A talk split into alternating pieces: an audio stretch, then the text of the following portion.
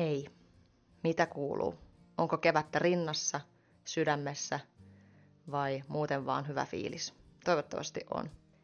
On taas suomenkielisen podcastin episodin aika ja tämänkertainen haastattelu vie meidät Lappiin, tarkemmin ottaen tuommoiseen pieneen kylään Tiaiseen ja täältä Keravalta on sinne reilu 800 kilometriä. Mulla oli haastattelu Suvin kanssa, joka on nuori yrittäjä, täynnä iloa, intoa, positiivisuutta ja en tiedä, mitä hän vielä elämässään kokee. Ihana, kun sä kuuntelet näitä podcasteja, kuuntele myös näitä vanhoja. Mä oon kaikista kuulijoista tosi kiitollinen, iloinen ja mä tykkään tehdä tätä. Tää on mun juttu ja en tiedä, mihin tää polku mut vie ja on kuitenkin tästä niin kuin hyvin iloinen, että tämmöistä asiaa saan tehdä. Ihanaa viikonloppua, ihanaa päivää. Mennään kuuntelemaan haastattelu. Moikka!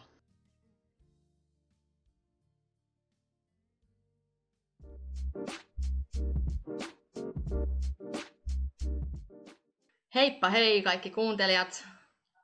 Ilo ja kunnia haastatella seuraavaa vierasta. Hän on Suvi, joka asuu tällä hetkellä Lapin pikkukylässä ja tänään meillä onkin aiheena se, miten hän asuu siellä, mitä hän tekee. Tähän liittyy myös vaellushevoset ja vanhan talon remontointi. Tervetuloa podcastiin Suvi. Kiitoksia. Mukava olla täällä mukana. No niin, eli tota, sanoin ihan aiheen jo tässä alussa. Kaikesta näistä me puhutaan.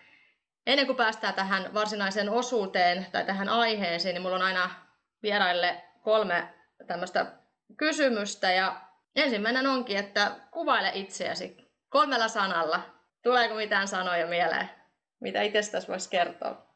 No tota, mä voisin sanoa ainakin itsestäni sen verran, että mä oon niin tosi semmoinen toimeen tarttuva, että nyt kun tässä kuuntelette, mitä mä oon tehnyt elämässä, niin ne on aika kaikki ollut semmoisia, että hetken mielijohteesta on lähdetty toteuttamaan ja toteutus on tehty muutamassa hassussa kuukaudessa, mitä jotkut ehkä vois miettiä vuosikausia, niin kuin esimerkiksi tämä Lappiin muuttaminen. Ja... No sit mä haluan olla mahdollisimman optimistinen elämässä, että ei just, et...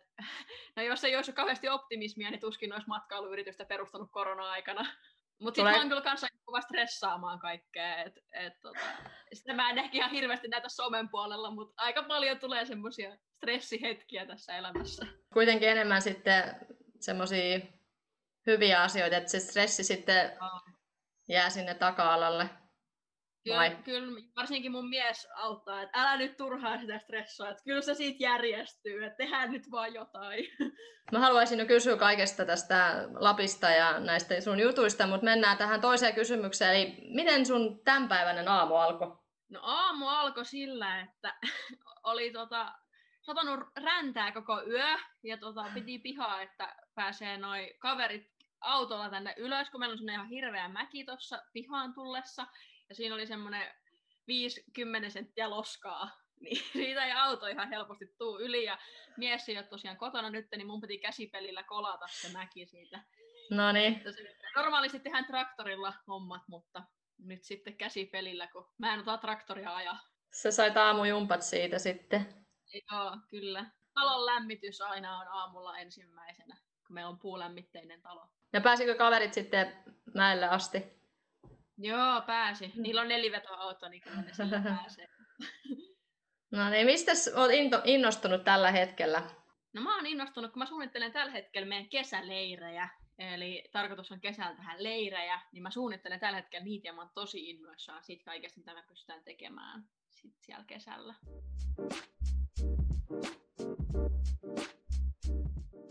No niin, hei, tää oli tää alkuosuus, mutta varmaan nyt kuuntelijoilla tulee, että mitä ihmettä, kuka sä oot, miksi me puhutaan tämmöisistä asioista. Niin voidaan niin kuin tässä alussa vähän niin kuin mennäkin siihen alkuun, tai miten sä oot päässyt tähän pisteeseen. Mä otin suhun yhteyttä sen takia, kun mä näin sun tilin, Insta-tilin tuolla, siis Instan puolella. Ja siinä oli heti, että elämä Lapin pikkukylässä ja sitten siinä oli vaellushevoset ja vanhan talon remontointi ja ihania kuvia ja semmoista wow. Että jotenkin tulee, tulee semmoinen mieleen, että niinku oman unelman toteuttamista Niin mm. kerropa, mistä sä muutit sinne Lapin pikkukylään? Mistä lä- lähdit? Mä oon siis äh, asunut ja syntynyt Espoossa, eli mm-hmm. toisella puolella Suomea. Mun perhe asuu Espoossa edelleen ja mä muutin Espoosta Turkuun ja Turusta sitten Leville. Ja Levillä mä olin hetken ja sieltä mä sitten löysin tämän mun nykyisen miehen ja me asuttiin sitten Rovaniemen kaupungissa vähän aikaa ja sitten me päätettiin, että me osataan tämä talo täältä Tiaisten kylästä, mikä on Rovaniemen kaupunkien kuuluu. Ja sitä kautta mä oon sitten tänne päätynyt. Eli Espoosta lähtöisin, mutta nykyään Tiaisissa vaikutan. Espoo ja Lappi tai Lapin pikkukylä, niin ne ei ole yhtään samanlaisia. Oletko aina niin kuin haaveillut semmoisesta Lapissa asumisesta? Ei. Mä, mä tulin ennen, mun, ennen kuin mä tutustuin mun mieheen, niin mä muutin jo Lappiin. Eli Mä oon siis aina ollut semmoinen, vaikka mä oon syntynyt kaupungissa ja ihan ydinkeskustassa, niin mä oon aina tykännyt olla maalla. Me ollaan käyty aina kesät vietetty mökillä ja Turun saaristossa ja Kiuruvedellä ja sillä niin kuin lehmien ja hevosten kanssa ollut lapsuudessa aina kesät ja se on ollut niin kuin mun juttu. Mutta sitten mä kun mä olin tämän hetken Turussa, niin mä siellä olin semmoisessa kuin Skandinavia Outdoor retkeilyvarusten myyjänä, ja siellä kaikki haaveili Lappiin muutosta. Ja, ja sitten mä olin silleen, no, no miksi mä en haaveilisi siitä? Ja sitten mä pistin, pistin vähän niin kuin ranttaliksi ja muutin silleen, olinko mä kaksi kuukautta miettinyt, niin mä olin, sain työhaastattelupaikan ja, ja tota, tai työhaastattelun pääsin ja sitten mä sain siitä samalta paikan ja pomo kysyi, että voitko aloittaa heti. Mä sanoin, että mulla on vielä Turussa velvoitteita kuukauden verran, että jos mä tuun sitten takaisin. Ja sitten mä, sit mä tulin kuukauden päästä, eli elokuussa 2019 muutin Lappiin. Ja sinne Rovaniemen suunnalle vai? Levi, Leville. Leville. Levillä. Ja sitten Levillä, mä, en mä sitten ollut siellä kuin muutaman, oliko mä kolme kuukautta Levillä, kun mä muutin sitten Rovaniemelle. Mm. No ootko katunut sitä, että lähit Lappiin? No en. En mä kyllä ole katunut ollenkaan. Et, et tota, on se vähän harmi, että niinku sukulaiset on tosi kaukana ja niinku kavereita jäi sinne, että ei ole silleen, silleen niin kuin lähipiiriä täällä niin paljon, että tukiverkostot on tosi kaukana, ja meidänkin nyt kun noita elukoita alkaa olla pihassa aika paljon, niin olisi sille välillä ihan kiva, että pääsisi lähteä vaikka kotota viikonloppuksi jonnekin, mutta sitten sit kun kaikki sukulaiset, joilta voisi pyytää apuun ja asuu tuhannen kilometrin päässä, niin sitten se ei ihan niin helppoa olekaan. No onko tullut uusia tuttavuuksia kuitenkin siellä sitten? Naapureita no, tai? Joo, on silleen ihan mukavasti tullut, että tietysti pieni kylä ja pienet piirit, mutta on meidät otettu tosi hyvin täällä vastaan ja koulun kautta on tullut kavereita ja muuta. Miten kuvailisit niin kuin täällä etelän ihmisiä ja sitten pohjoisen ihmisiä, että onko luonteen piirteitä niin kuin ihan eri, erilaisia luonteen piirteitä vai osaatko jotenkin eroavaisuuksia tai samanlaisuuksia sanoa? Kaikki tekee tosi paljon sitä omaa juttuaan. Ja sit, äh, mut sit kaikki haluaa auttaa toisiaan, mutta sit nyt varsinkin kun on pienessä kylässä asuu, niin esim. kunnallispolitiikkaan ei kannata kauheasti, kauheasti koskea, näin mä oon ymmärtänyt, että sitten ei pääse suosioon kylällä.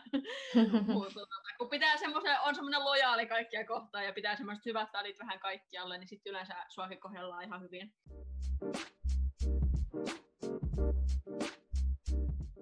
Te muutitte vanhaan taloon tai ostitte semmoisen? Tai kerro siitä, että miten, miten löysitte sen paikan, missä te nyt siis olette, asutte? No tarina lähti niin, että meillä oli tosiaan omakotitalo Rovaniemen keskustassa ja sitten me ostettiin hevonen. Ja... Okei. Okay. sitten ei ole hevosta laittaa mihinkään. Ostettiin ja sitten me todettiin, että, ei, että, niinku, että me halutaan silleen, että, että ei se niinku, tämmöisellä täyshoitotallilla hevosen pitäminen niin ei oikein en oikein tykännyt siitä, että mä haluan, haluan hevoset kotiin ja että voi tehdä metsätöitä hevosilla ja kaikkea, niin se on kauhean vaikeaa, kun se on kaupunkitallilla se hevonen. Joo. Niin sitten alettiin katselemaan tuossa syksyllä vähän paikkoja, laitettiin oma talo myyntiin ka- kaupungista ja laitettiin, alettiin katsoa taloja ja sitten mä laitoin tämmöisiin niin Facebook-ryhmiin, kun on kaikki kylillä omat Facebook-ryhmät, niin mm. liityin kaikkiin kaikkiin tässä Rovaniemen alueella 50 kilometrin, 60 kilometrin säteellä oleviin kylien ryhmiin ja laitoin kaikkia, että olisiko kenelläkään myynne tämmöinen talo ja tämmöinen talo. Ja sieltä sitten yksi tämän talon myyjä linkkasi tämän paikan ja siinä oli niin huonot kuvat tästä että mä olin silleen, että ei me tonne jakseta mennä katsomaan, että ihan hirveä paikka. Ja, Joo. ja sitten mies sille, Valtteri oli, että kyllä me nyt mennään. Ja sitten me lähdettiin Luostolle retkelle ja matkan varrella käytiin, tästä on siis 40 kilometriä Luostolle. Niin, niin käytiin, käytiin sitten katsomassa tätä paikkaa ja oltiin, että wow, että tämähän on ihan erinäköinen kuin kuvissa. Ja sitten sitten me laitettiin välittäjille viestiä, että haluttaisiin näyttöön ja katsomaan sisäpaikkoja kanssa. Ja sitten me tultiin näyttöön ja sitten me tehtiin ehdollinen tarjous tästä paikasta, ja, että saadaan edellinen kämppä myytyä. Ja sitten vuodenvaihteessa meidän kaup- kaupungin kämppä meni kaupaksi ja saatiin tämä paikka sitten itselle. Se oli kyllä siisti juttu, että tämmöinen löytyi. No se, minkä löysitte, niin oliko siellä sitten joku niinku tällä hetkellä tai silloin asumassakin, oli, vai oliko se vapaalla? Tämä oli ollut, tämä oli ollut tyhjillään vuoden suunnilleen, mutta niin kuin peruslämmöllä. Joo. Eli ei ole ollut kylmillään ollenkaan. No aika hyvä silleen niin kuin, jännä juttu, että ihmiset myy taloa ja sitten ne kuvat, mitä siellä niin kuin, Mm-hmm. et jättää toisen vaikutelman. Kyllä, Mut... kyllä. Siis, siis sanotaan, jos me nyt jostain syystä myytäisiin tämä paikka, ja mä, kuva, mä kuvaisin tästä myyntikuvat, niin saataisiin varmaan tuplahinta, jos mä Eikä. Ymmärrän. Joo, no sähän oot itse valokuvaaja, niin varmasti mitä mä oon nähnytkin, mitä sä oot kuvannut, niin aivan upeita kuvia varmasti ottaisitkin ja oot ottanut. Oliko siis, siis, siis niin kuin, kun te näitte sen talon, niin rakkautta ensisilmäyksessä? No ei ehkä tämä niinku talo itsessään ollut semmoinen rakkautta ensisilmäyksellä, mutta kun tuosta lähti kävelemään, missä hevoset nyt asuu, niin sitä tietä tonne lammelle päin, kun meillä on tässä oma lampi tässä tontilla, niin, niin siinä lammen rannassa oli semmoinen niinku aurinko paistoi tuolta vaaran päältä, ja valaisi sen niinku semmoiseen syysruskaan ton lampia, sitten siinä oli semmoinen ihana mustikkavarvut, oli ihan maaruskat parhaimmillaan, ja sitten siinä on semmoinen sauna siinä lammen rannassa, niin sitä kun kävelin, niin katsoin, että tämä on kyllä niinku pakko hankkia tämä paikka, että ei ole kahta vaihtoehtoa tässä. Voinko mä kysyä, pitääkö olla rikaset ostaa Lapin pikkukylästä talon? Ei todellakaan. Mä oon opiskelija. Eli mä sain lainan tähän. Joo. Mutta siis ihan mahtavalta kuulostaa ja te teette sen, sitä taloa remontoitte nyt oman näköiseksi omia tarpeita varten. Ja... Joo, me niin tässä tullaan avaamaan kaikki seinät ja lattiat ja tämä on siis ihan alkuperäisessä kunnossa, eli tämä on 60-luvun rakennettu. Niin kaikki tullaan käytännössä avaamaan ja vähän seiniä avataan tästä näin. Ja, no kylpyhuone remontoidaan ensimmäisenä ja sitten keittiöt seuraavana. Kuka ne avaa? Ittekö, itekö teette vai oletteko jotain no, työmiä? Mies on semmoinen rakennusnikkari, että se kyllä tekee melkein kaiken. Mä sanon, että mitä halutaan ja sitten Valtteri tekee. Wow. Mä autan sen verran, kun mä haluan tai pystyn auttamaan. Okei. Okay. No, mutta sä oot siis yrittäjä, vai onko Valtterikin yrittäjä? Millaista elämää te niinku elätte? Mä oon, mä oon tota, täyspäiväinen yrittäjä ja täyspäiväinen opiskelija tällä hetkellä. Älä kysy, miten on mahdollista olla täyspäiväinen molempia. Mutta en kysy. Valtteri, Valtteri on tota, puolustusvoimilla, puolustusvoimilla töissä tässä näin, että se käy vakiduunissa, mutta se on myös osakkaana tässä firmassa ja tekee töitä sen verran, kun ehtii niin firmalle. Eli mikä firma? Kerpaa kuuntelijoille. Meillä on osakeyhtiö, joka tuottaa vaellushevospalveluita, valokuvauksia, eli tämmöinen kuin Laenlammen tila löytyy Instasta, Fasesta kaikkialta tällä nimellä, ja nettisivut on laenlammen.fi, niin tämmöistä vaellushevostoimintaa, rekihevosia, vähän hevosleirejä, semmoisia hyvän mielen juttuja.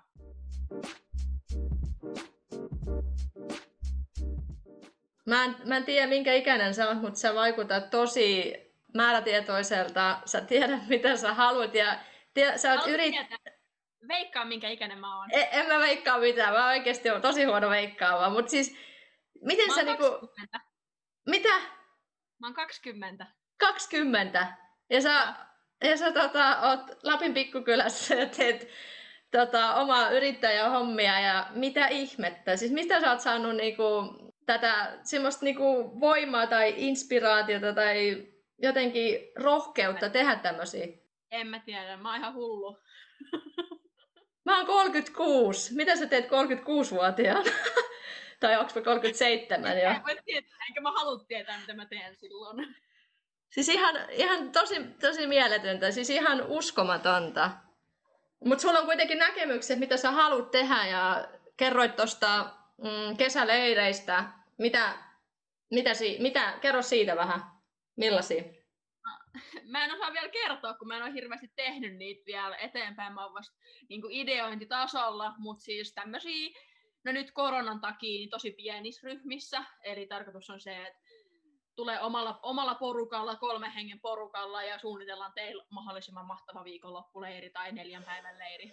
Et tämmöinen rentoutumis, äh, tulee Lapin luontoon rentoutumaan hevosten kanssa ja nautitaan vähän, saunotaan ja tehdään tämmöistä niin mahdollisimman mukavasti kaikkea. Ja vähän samalla opetellaan vaikka työhevosjuttuja, eli miten vaikka ajetaan puita hevosella metsästä ja tämmöistä kaikkea. Wow. Siis mä menin ihan sanattomaksi. Sä viime syksyllä siis kouluttauduit luonto-ohjaajaksi, niin oliko se yksi väylä, miksi sä oot tässä vaiheessa? Tai et Joo, sä oot yrittäjä? ehdottomasti. Et siis se, mitä, että mulla on tosi iso kiitos ja niin kuin, se, että miten mä oon tähän pisteeseen päätynyt, niin johtuu mun suhteista. Eli mä olin työharjoittelussa Inarissa, siellä paikassa, mistä nämä hevoset meille tuli. Ja se mun pomo siellä kysyi multa, että Suvi, nyt teillä on oma paikka, haluatko vaellushevosia sinne? Haluatko alkaa pyörittää tätä hommaa? Ja mä wow. sanoin, että oota, mä kysyn Walterilta, oota, mä kysyn mun mieheltä. Sitten meillä oli, miehen vanhemmat oli käymässä ja perhe oli käymässä. Sitten mä sanoin, että tuut sä käymään tuossa vähän makkarin puolelle. Mä kysyn, pitää kysyä yksi kysymys, että Satu on tässä puhelimessa. Satu on se mun entinen pomo, työharjoittelupomo. Ja mä kysyin että haittaisiko jos viisi hevosta muuttaisi kahden kuukauden päästä pihaa? Sitten mitä? No, jutellaan illalla lisää, mutta ei kai se mahotonta olisi. Joo. Tämä oli, loppi, tämä oli tänne vuoden loppiaisena. Eikä. Et, et, tota, se oli niinku tosi nopeasti toteutukseen. Et vähän ollut pyörällä pää, mutta nyt tämä alkaa vähän tasaantumaan tästä. Oliko se siis niinku joku bisnes, että te ostitte ne hevoset vai onko ne vuokralla vai mikä juttu tämä nyt on se? no ne on meillä niinku ylläpidossa tällä hetkellä ja meillä on siis liiketoimintasopimus. Joo. Ja asiakkaat saa tulla sinne ja te järjestätte semmoisia retkiä, matkoja Joo. tai semmoisia, mitä nyt Joo, asiakas... On niinku tämmöisiä niinku elämyksiä hevosten kanssa järjestetään. Et ihan aloittelijoista kokeneisiin pääsee ratsastamaan meillä tonne vaaroille ja metsään. Ja... Aivan mieletöntä. Siis mä näin niitä videoita, mitä sulla on tuolla YouTubessa. Ja Joo. sähän oot siis, siis ootko sä niinku valokuvaaja niinku myös ammatilta vai mikä toi valokuvausjuttu on? Mä oon siis mä oon opiskellut valokuvausta, eli mä mielen itseni ammattivalokuvaajaksi myös, mutta tota, mä en saa tällä hetkellä elantoani valokuvaamisesta, mutta tota, se on niinku sivu, sivutoimista tässä samalla. Että mä myyn niinku kuvia Lapista esimerkiksi kalentereihin ja kuvapankeissa on mun kuvia myynnissä. Ja sit lisäksi mä teen kyllä, niinku, että hevosilla saa tulla niinku, että vaikka valmistujaiskuvia ottamaan ja muuta. Että kyllä se valokuvaus on mulla niinku ammattimaista valokuvausta. No siis kävit sä tuolla Espoon puolella sit kaikki noi lukiot vai koulut? En mä käynyt lukiota ollenkaan. Mä menin, mä menin siis peruskoulusta pienen mutkien kautta opiskelemaan valokuvausta ja opiskelin valokuvaajaksi.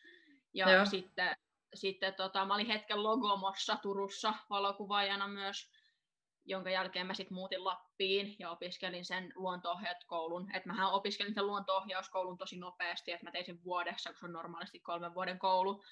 Mutta tota, sen takia mulla on näitä tutkintoja kertynyt jo vähän ikään nähden paljon.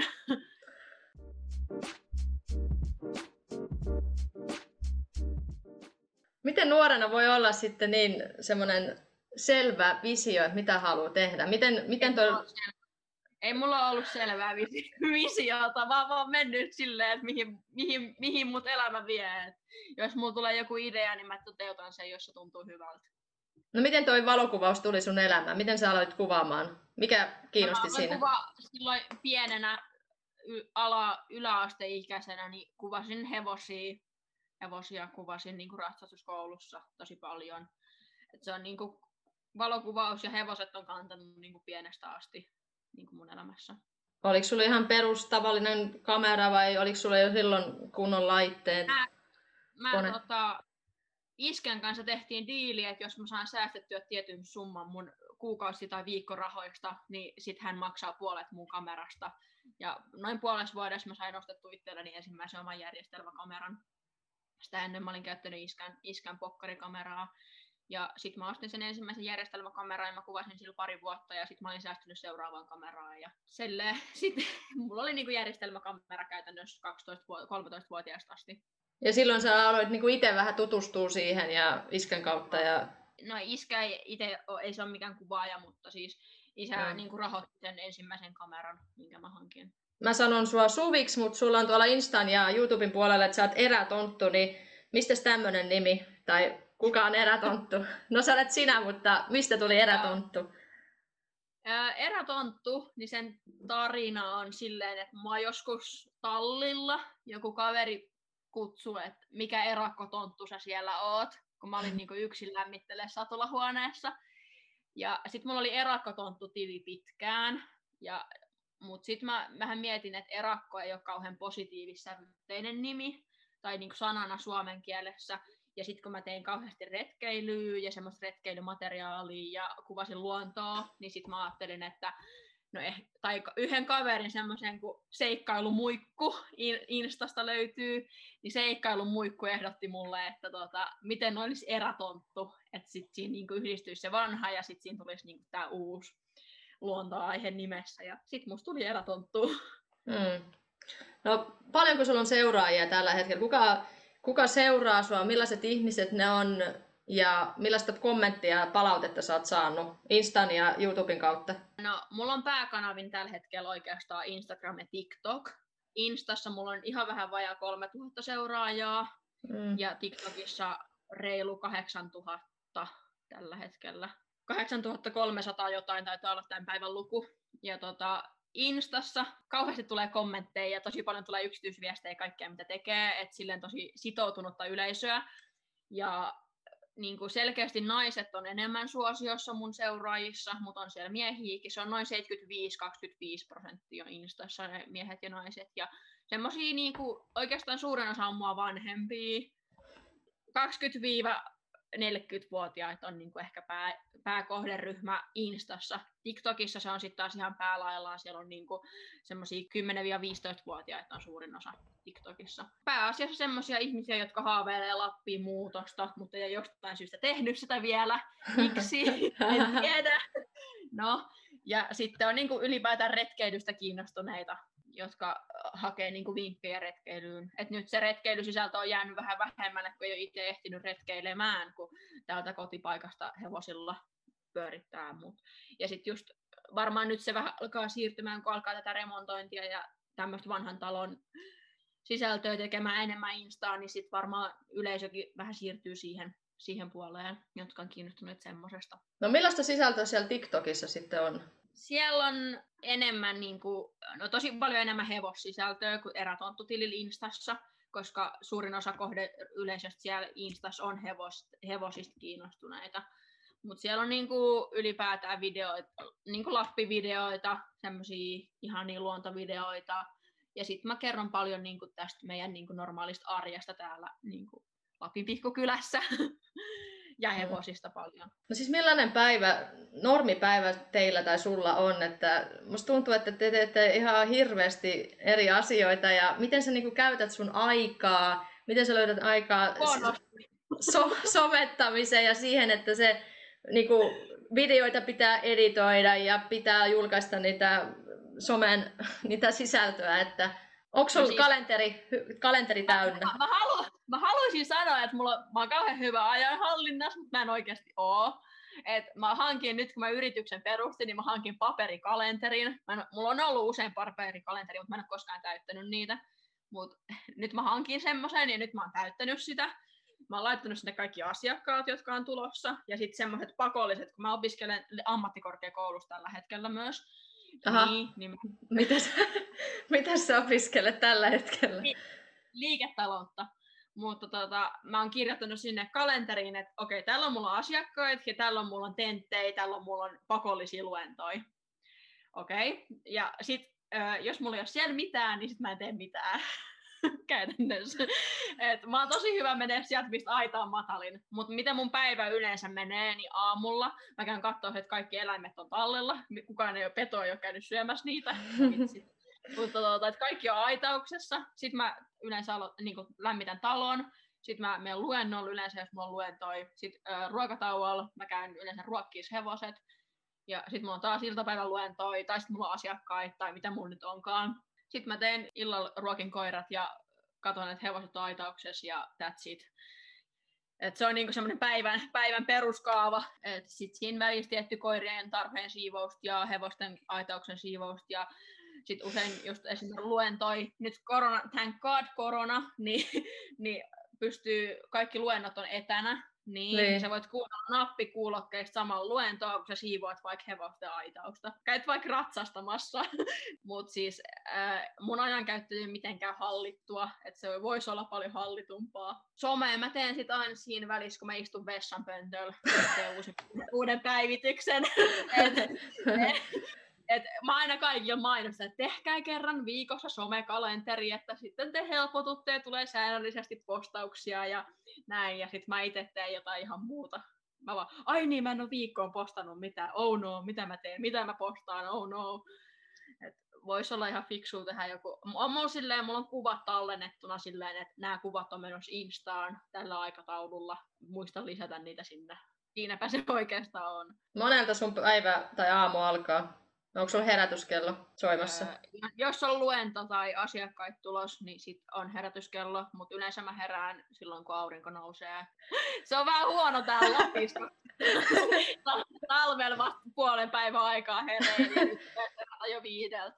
Mutta siis tänäänkin mä oon herännyt muistaakseni kahdeksan aikaa. Et oma herätyskello yleensä kahdeksan aikaa sanoa, että niinku, pään sisäinen kello, että nyt pitää nousta ylös. Ja nukkumaan meet sitten, että Onko sulla tarpeeksi unta kuitenkin? Mä oon huolissaan joskus, susta. Mä joskus, joskus 11 aikaa on yleensä aina kanttu vei. Joo. Ennen yhtä. Viikonloppuisin saattaa mennä aikaisemminkin nukkumaan. Toi tuntuu niinku siltä, että se mitä sä teet on niinku, sehän on kuitenkin sulle työtä ja sitten sä niinku opiskelet, se on niinku tavallaan koulua. Niin onko se niinku, sullahan pitäisi olla tai milloin sä niinku rentoudut tai sulla on vapaa-aika tai se oma... Mä en koe tätä mun työtä niin tavallaan työksi. Mun mielestä on, okei okay, se on vähän niin kuin stressaavaa oli aluksi just se, kun asiakkaat tuli ja sit sä et koskaan tiedä, millaisia ihmisiä ne on. Mutta mä oon tosi hyvä ihmisten kanssa, mä oon tosi hyvä puhumaan, niin, silleen, niin se ei ole silleen vaikeaa. Et mulle enemmän työtä on se, että mä opiskelen. Että se on kauheata katsoa jotain luentoja, opiskella jotain matikkaa ja yrittää ymmärtää sit jotain. Mutta sitten taas kun sit se on mulle niinku rentoutumista, että mä lähden asiakkaiden kanssa ratsastamaan luontoa ja saan kertoa kaikkea luonnosta ja siitä, että tuolla näkyy tuommoinen tunturi ja tuolla näittekö tuossa meni metso ja tälleen. että se on mulle tavallaan rentoutumista. Ja sitten tietty iltasi mä käyn kylvys, niin kylvyssä kun lilluu, niin sen saa aika hyvin rentouduttua.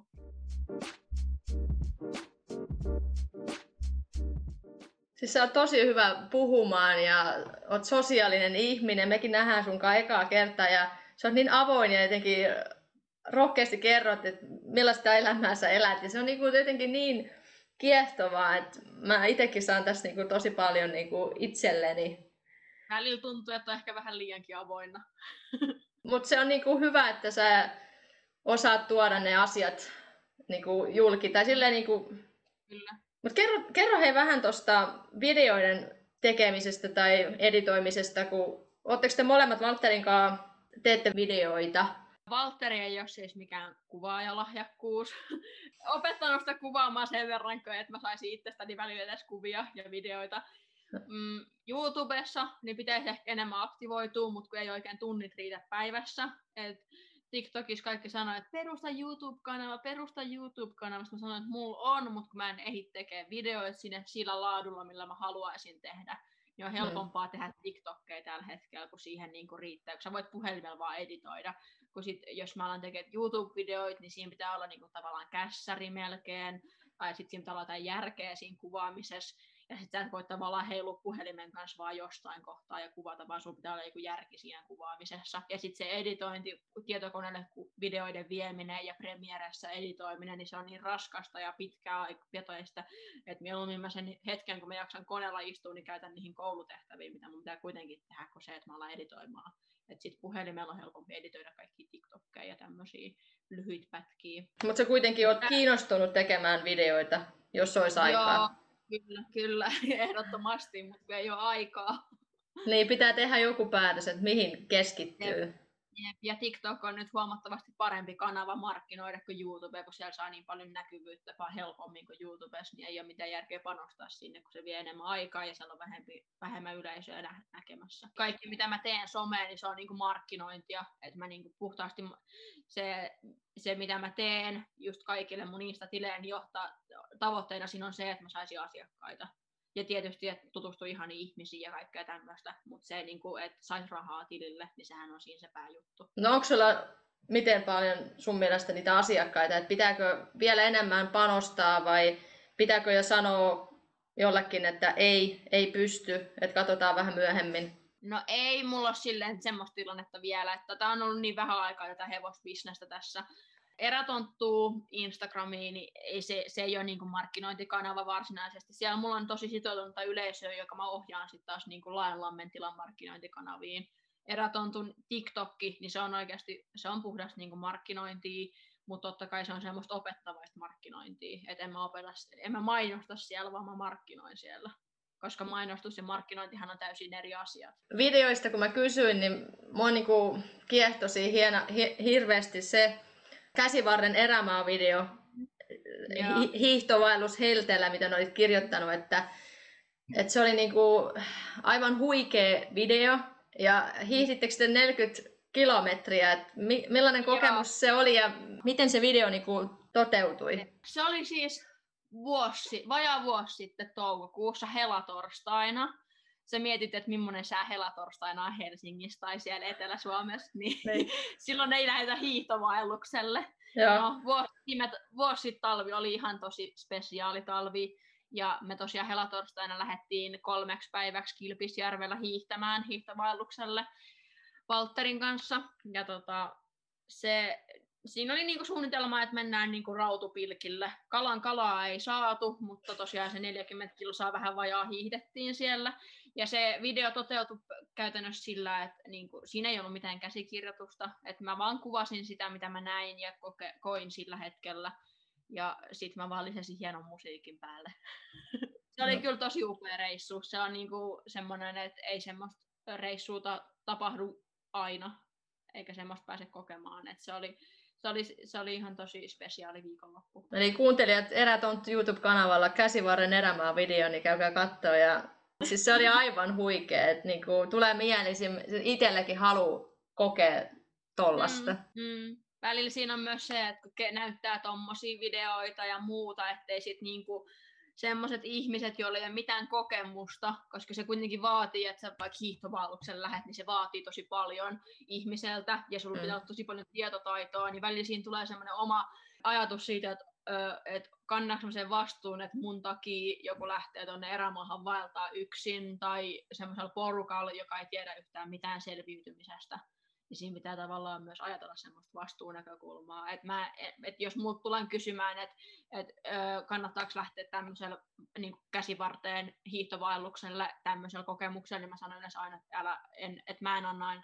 anna ainakaan myön, myönnytystä niin, että lähdet silleen, että hanki, hanki kunnollinen opas tai opettele ensin jossain helpommalla, vaikka hetta pallasreitillä kesävaellusta, tai meet vaikka ö, Martimo Aavalle suolle hiihtämään, niin sut on paljon helpompi pelastaa sieltä kuin se, että sä oot käsivarren erämaassa, mistä ei ole mitään kuuluvuuksia eikä kenttiä tai mitään, että kun siellähän ei toimi puhelimet tai netit, niin et saa sinne apua. Teillä kävi hyvin. Joo. Se, niin kuin, jos sulla on tietotaitoa, niin se kaikki voi mennä hyvin ja menee varmasti hyvin, mutta se, että ettei ihminen, jolla ei ole mitään kokemusta, niin lähde yksi hortoilemaan tonne, koska tunturit ja tämmöiset alueet, missä ei ku- ole kuuluvuutta, niin se on oikeasti aika vaarallista hommaa, jos ei sulla ole sitä tarvittavaa tietotaitoa ja varusteita etenkin. Vaikka ei halua, että eräily on, eräily on tota, varusteurheilua, niin joissain tilanteissa se oikeasti on varusteurheilua. Et ei, ei niin tuonne käsivarren erämaahan alueelle, missä ei ole kuuluvuutta, niin ei siinä ole mitään asiaa ilman GPS-laitetta, joka maksaa sen useamman sata, sata euroa. Tai makupussia, joka, jos sä kestät, kestät 20 astetta pakkasta. Mistä sun mielestä kannattaisi lähteä sit liikkeelle, että jos haluaisi tuommoisen retken joskus tehdä itse, niin onko se just, että jossain lähimaastossa ja lukea no vai niin. katsoa videoita vai kirjoittaa sulle? No vaikka kirjoittaa mulle, mutta tota, siis, äh, jos, et, jos, et, jos et sä halua panostaa siihen niin pitkällä aikavälillä paljon, niin, niin kaikista helpointa on se, että sä palkkaat eräoppaa mukaan, joka kertoo teille, että tämmöiset varusteet tarvitte, ja se lähtee mukaan, ja silloin se ensiapukoulutus ja lumiturvallisuuskoulutukset ja kaikki käytynä, että äh, se vastaa niin kuin siitä, että teillä on kaikki ok, ja te osaat, teillä on tarvittavat tulentekotarvikkeet ja tarvittavat monipolttoainekeittimet ja muut, jos puhutaan talvivaelluksesta. Se on niin kuin parasta, ja sitten niin sosi- sosiaalisoituu retkeilijöiden kanssa lähtee vaikka jollekin kimppavaellukselle, missä on vähän kokeneita mukana ja että semmoinen, semmoinen Facebook-ryhmä kuin Vaellus seuraa, niin siellä on monesti etitty talvivaellukselle niin kuin porukoita mukaan. Osaisit sä ehdottaa ihan tavalliselle ihmiselle niin kuin jotain koulutusta tai jotain kurssia, että mitä voisi niin ainakin käydä, että jos luonto kiinnostaa ja ihan niin kuin on työssä käyvä ihminen, mutta haluaisi oppia enemmän tai tietää? No aikuispartiohan on ihan huikea tapa niin kuin oppia tämmöistä ja yh- sosiaali- niin kuin yhteisönä. Mulla ei itsellä siitä kokemusta, mutta tota, se on yksi vaihtoehto. Sitten esimerkiksi just Skandinavia Outdoor järjestää tämmöisiä retkeilyiltoja, missä tutustuu muihin retkeilijöihin ja oppii retkeilystä ja pääsee kysymään tosi kokeneilta retkeilijöiltä. Nyt ne on kaikki kaikki live-webinaareja Facebookissa tai tälleen, niin sinne pääsee mistä vaan Suomesta. Sitten normaalisti ne on niin niissä kaupoissa järjestetään. Järjestetään. Ne on ainakin hyviä kanavia. Sitten on olemassa ainakin Turun seuduilla on semmoinen kuin Venlojen vaellus, niin ne järjestää erilaisia retkeilykursseja. En tiedä, muuallakin Suomessa on. Ja sitten Suomen ladun, ladun eri toimi, toimijat järjestää erilaisia retkeilykursseja. Ainakin Oulun seudulla on mun mielestä retkeilykursseja ollut. Tämähän oli hyvä. Kyllä mä oon itsekin miettinyt tätä partioa, että aikuispartio olisi aika hyvä. Mikä on ollut sun mielestä niin kuin Lapissa asumisessa niin vaikeinta? Vaikeinta? Mm, en, no ehkä, mulla ei ollut ajokorttia, kun mä muutin tänne. Niin, se, se oli ehkä vähän hankalaa, että se piti niinku suorittaa loppuun aika vauhdilla. Eikä mulla ole vieläkään omaa autoa, mutta onneksi toi miehen auto osaa ajella. Onneksi sulla on hevoset. Niin, no sekin. Nelosti, ettei viiti voi köpötellä hevosella, voisi tulla vähän tyyppiä rekolta. Joo. Mikä se on ollut helpointa sitten? No, en, mä, mä en oikein osaa sanoa, että mikä on ollut varsinaisesti helppoa. Et mä oon tykännyt ka, niinku semmoista, että mikä on ollut niinku mukavinta, niin on ehdottomasti ollut just no revontulet ja luonnossa liikkuminen ja tämmöinen. Mutta se, että mikä olisi ollut varsinaisesti helppoa, niin sitä mä en oikein osaa sanoa. Täällä on tosi pienet piirit, että sille mun on helppo tutustua ihmisiin, mutta se, että niistä saisi tavallaan tosi läheisiä ystäviä, niin se on ollut ehkä vaikeaa, kun ne on niin semmoisia ne on aina ollut tämmöisessä ryhmässä ja ne on niin kuin pienestä asti, lapsesta asti kasvanut tähän porukkaan, niin sitten ehkä siihen porukkaan mukaan pääseminen on vähän haastavaa. Mutta se, että mikä olisi niin kuin helppoa, niin sitä mä en osaa sanoa. Voinko mä kysyä henkilökohtaisen kysymyksen, että miten sun perhe va- niin kuin reagoi siihen, että sä muutat Lappiin? Öö, ne oli ensin, että onko tässä mitään järkeä, että mitä, niin. mitä teet. Ja näin, sitten mä vaan sanoin, että no äiti, säkin olet lähtenyt, lähettänyt 20 San Francisco puolestoista vuodeksi vaihtoon, että miksi mä en saisi lähteä Lappiin. Se on kuitenkin sama maa, että niin. se on alle kaksi tuntia lentokoneen, niin sä oot meillä. Niin. niin. Äiti oli sitten hiljaa sen jälkeen. Joo, se oli hiljaa. Eikä se silleen, että vähän ne oli myös kauhuissaan siitä, kun ostaa vanhan talon, että mitä jos on joku homepommi tai muuta, mutta mä, mä oon aika luottavainen, kun toi Valtteri ymmärtää näistä taloista aika paljon kaikkea ja tota, tietää vähän vanhoista taloista, niin silleen aika luottavainen sen suhteen, että kyllä me pärjätään tämän kanssa. Ja tämä on ainakin toistaiseksi vaikuttanut ihan terveeltä tämä talo.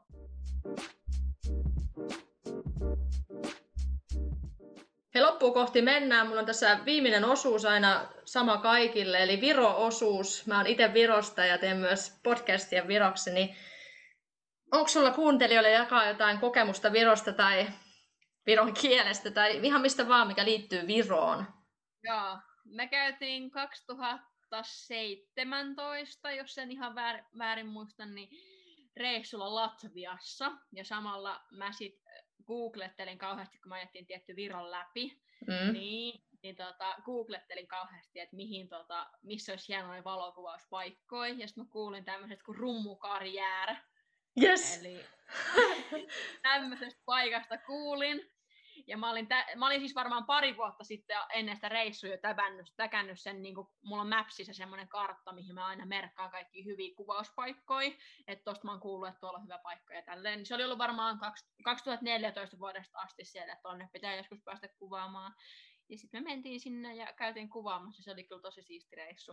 Kesälläkö? Joo, kesällä me käytiin uimassa siinä kanssa siinä louhoksella.